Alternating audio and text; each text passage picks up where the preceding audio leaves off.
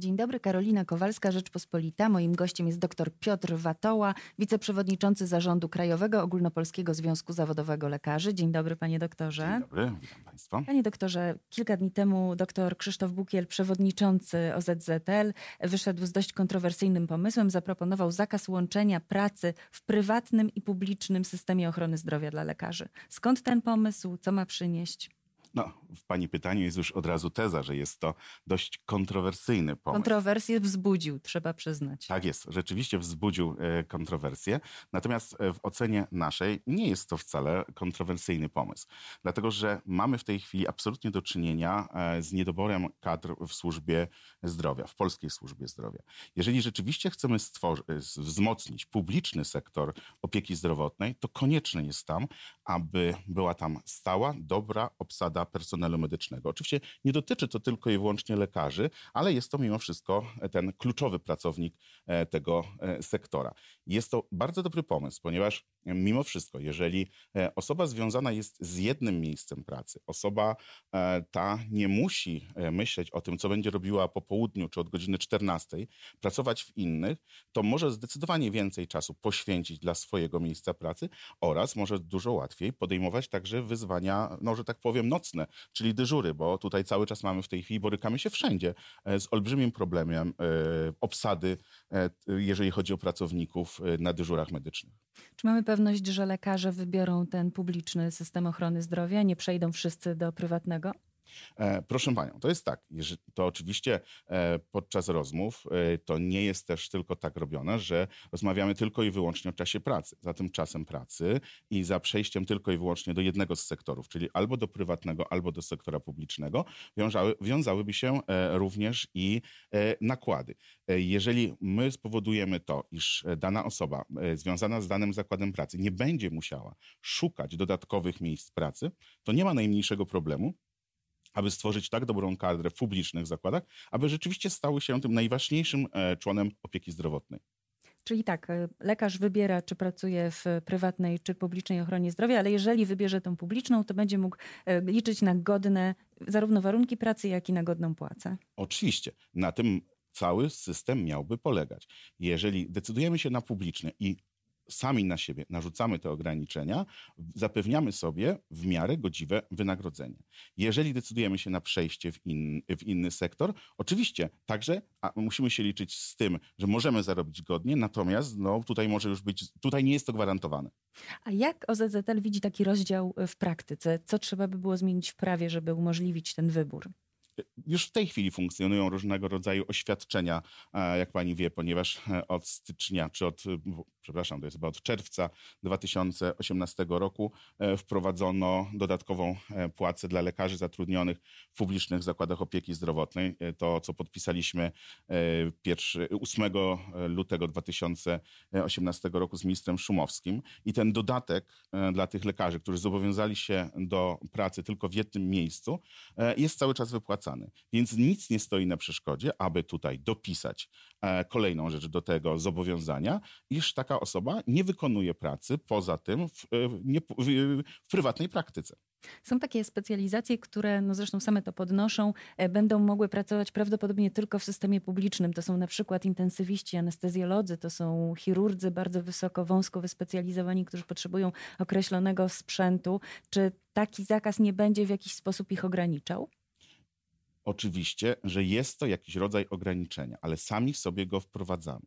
Natomiast dla, z punktu widzenia najważniejszego, czyli polskiego pacjenta, jest to najlepsze rozwiązanie, dlatego że wtedy te osoby rzeczywiście mogą poświęcić swój czas, cały czas oraz swoją wiedzę tylko i wyłącznie dla pa pacjenta w publicznym e, systemie, który stałby się wtedy rzeczywiście filarem Doktor Bukiel y, wyszedł od sprawy senatora Grockiego, właściwie od sprawy tej rzekomej łapówki, którą miał senator Grocki przyjąć, właściwie też od tego, że y, profesorowie, y, często pracując w publicznej ochronie zdrowia, mają jeszcze prywatne gabinety i często w tych właśnie prywatnych gabinetach zarabiają dużo większe pieniądze. Te prywatne gabinety bywają taką przepustką do publicznego systemu ochrony zdrowia, natomiast za wizytę tam trzeba bardzo dużo zapłacić. Czy taki rozdział byłby też receptą na, na tą patologię?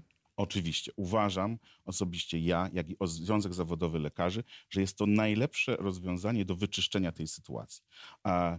Do, nie będzie wtedy można nikomu zarzucić, e, że wykorzystuje e, swoje miejsce prywatne pracy do pozyskiwania środków, aby rzeczywiście tą osobę przyjąć na swój oddział e, i tam ją leczyć. I jest to jak gdyby no, taki sposób obchodzenia po prostu kolejek. I to się Dlatego... dzieje?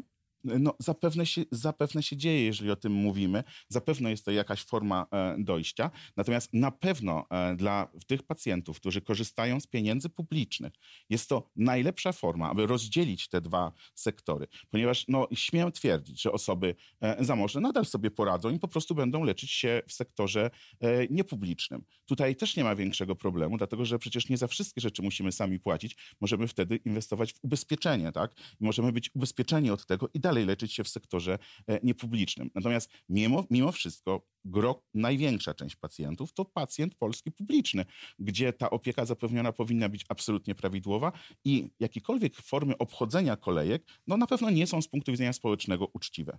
Panie doktorze, dzisiaj e, miało nastąpić spotkanie porozumienia rezydentów OZZL-u, Naczelnej Rady Lekarskiej z ministrem zdrowia. Mieli państwo renegocjować e, porozumienie z lutego 2018 roku. Do tego spotkania nie doszło z powodu sytuacji z koronawirusem, ale chciałam zapytać, na jakim etapie są te rozmowy i o co państwo tym razem będą się starali?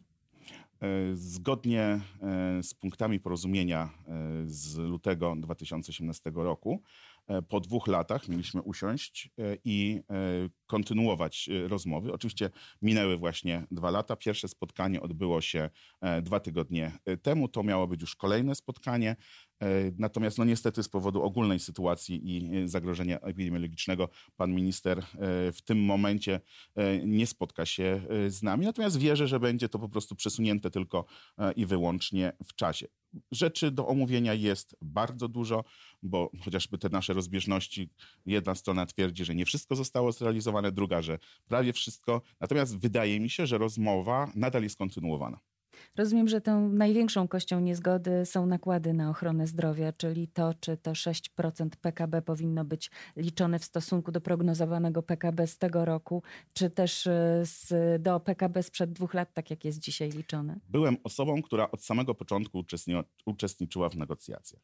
E, I muszę powiedzieć wprost, nikt nigdy nie zakładał, że może to być liczone do jakichś lat poprzednich.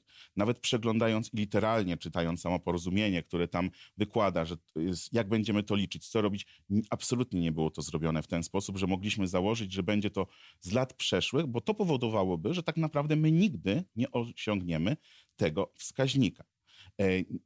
Także tutaj na pewno jest to rzecz, którą trzeba uściślić i zmienić. Można tutaj mówić też w ten sposób, że my już nie, my, to są różnice wysokości około 10 miliardów złotych w skali roku. E, to są pieniądze dla polskiego pacjenta. To są właśnie te, te, pieniądze, które są potrzebne w systemie.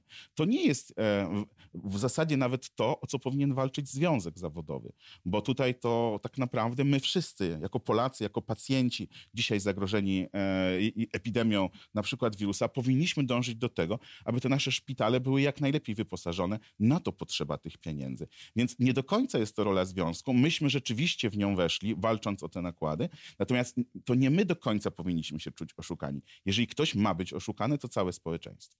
Ale chcę jedno tylko podkreślić, że nie uważam osobiście, ponieważ uczestniczyłem w tych e, e, negocjacjach, aby była to e, celowe, aby było to celowe działanie pana ministra. Wydaje mi się, a nawet jestem o tym przekonany, że minister, jak i część osób, które znajdowały się wtedy na sali negocjowały, były przekonane, że my negocjujemy właśnie normalnie procent PKB z danego roku. Natomiast później Ministerstwo Finansów wprowadziło jak gdyby zapis N-2, czyli że liczy się to sprzed dwóch lat, co powoduje, że nigdy nie osiągniemy tych wskaźników. I w rocznikach statystycznych, pragnę tutaj przypomnieć, zawsze będziemy mieć kwotę mniejszą. My nigdy nie osiągniemy kwot e, y, z porozumienia, bo jeżeli popatrzymy sobie retrospektywnie na roczniki statystyczne, to tam nikt nie zapisuje nakładów na, opieki, na opiekę zdrowotną w stosunku do PKB sprzed dwóch lat, tylko z danego roku. To się nazywa kreatywna księgowość chyba, albo kreatywna legislacja. Wydaje się, że OZZL jako związek e, wywiązał się z tych swoich statutowych e,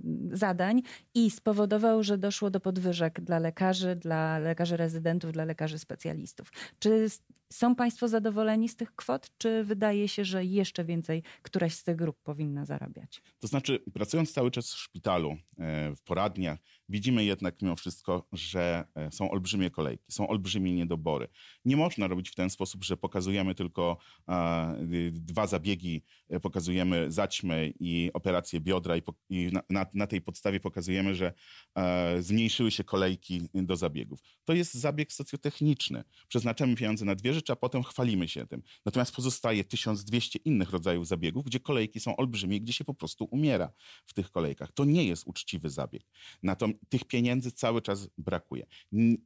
To, że lekarz może zarobić więcej lub pracownicy opieki zdrowotnej mogą zarobić więcej, to absolutnie nie świadczy o tym, że jest lepiej bo te nakłady są potrzebne na sprzęt, na leki, na inne rzeczy, które są naprawdę potrzebne polskim pacjentom. A zwróćmy uwagę, że doszło w tej chwili do tego, że poprzez wzrost minimalnego wynagrodzenia doszło do spłaszczeń wynagrodzeń, szczególnie u innych pracowników, e, gdzie praktycznie wszyscy zaczynają dzisiaj zarabiać minimalną e, krajową. Oczywiście, że jest bardzo źle. Jeżeli popatrzymy na porozumienia, które były podpisywane 10 lat temu, to lekarz stażysta przychodząc do pracy zarabiał 160% najniższej płacy krajowej. A dziś dzisiaj wyrównuje się rozporządzeniem, żeby w ogóle do, dołączył do najniższej płacy krajowej, bo normalnie dostawałby 2520 zł e, jako e, płacę. Lekarz zaczynający pracę. To na pewno nie jest uczciwe. I to patrząc nawet retrospektywnie w przeciągu ostatnich 10 lat, jest to obni olbrzymie obniżenie płacy.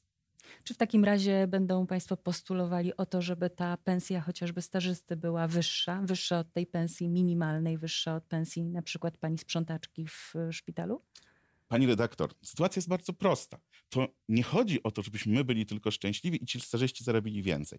Natomiast w, wchodząc w skórę młodego człowieka, śmiem sobie wyobrazić, że łatwiej mu jest zdecydowanie pozostać w kraju, jeżeli ta praca, płaca będzie godna i nawet gdyby wynosiła 160% tej minimalnej. Natomiast e, jeżeli nie, to na pewno łatwiej mu jest rozważać pracę w Szwecji, w Anglii lub w innym miejscu. O co e, chodzi nam? O czym, o czym cały czas mówimy? O niedoborach.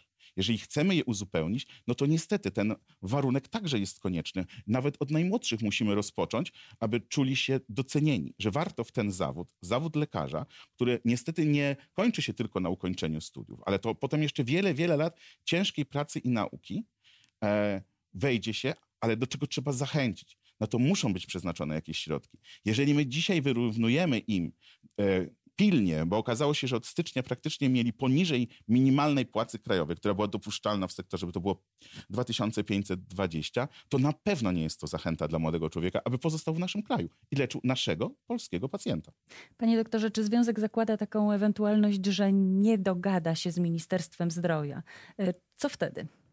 E, proszę panią, nie, nie zakładamy takiej możliwości, ponieważ e, zawsze jakoś będziemy musieli się porozumieć. Nie mamy drugiego adwersarza. E, jeżeli okaże się, że nie porozumiemy się, nie znajdziemy e, tego e, wspólnego mianownika, poprosimy ewentualnie, tak jak było parę lat temu, społeczeństwo, aby e, społeczeństwo wyraziło swoją wolę. Proszę pamiętać, że przy ostatnich protestach dwa lata temu to grupa rezydentów, grupa lekarzy od ZZL na tyle zachęciła społeczeństwo, by pokazać swoją wolę, że udało nam się wtedy zawrzeć to, wydaje mi się, dosyć dobre porozumienie. Dzisiaj rzeczywiście ono zostało w pewien sposób zmienione. Tak? Te nakłady nie są takie, jak powinny być. Ale ja mam nadzieję, że obydwie strony będą miały dobrą wolę i mają świadomość, że bez wzrostów nakładów nie jesteśmy w stanie dzisiaj prawidłowo leczyć pacjenta. Bo jeżeli my dzisiaj mówimy, tak jak pan minister, że rzeczywiście nominalne nakłady cały czas rosną, to to nie jest najlepsza narracja, bo my nadal w stosunku do PKB, które przeznacza, czyli produktu krajowego, który wszyscy pracują, zaczynamy przeznaczać coraz mniej na opiekę zdrowotną. To nie jest absolutnie dobre rozwiązanie. Posługiwanie się tylko kwotowymi rzeczami, dlatego że w opiece zdrowotnej, tak jak i wszędzie indziej, w tej chwili e, te koszty wzrastają. Proszę zobaczyć na rodzaje infekcji, jakie w tej chwili mamy, możliwości leczenia, sprzęt, jak, e, który zaczyna być coraz droższy. No i z drugiej strony zaczynamy konkurować także płacą we wszystkich innych środowiskach. Już nie mówię o lekarskich. Proszę zwrócić uwagę, ile zarabiają fizjoterapeuci, e, ile zarabiają panie w laboratoriach. To są w tej chwili wszystko najniższe płace krajowe. Doszło do takiego spłaszczenia, że praktycznie oni wszyscy zarabiają tyle, co osoby sprzątające. Ja nie mam nic przeciwko tym osobom, ale mimo wszystko jakaś gradacja powinna być.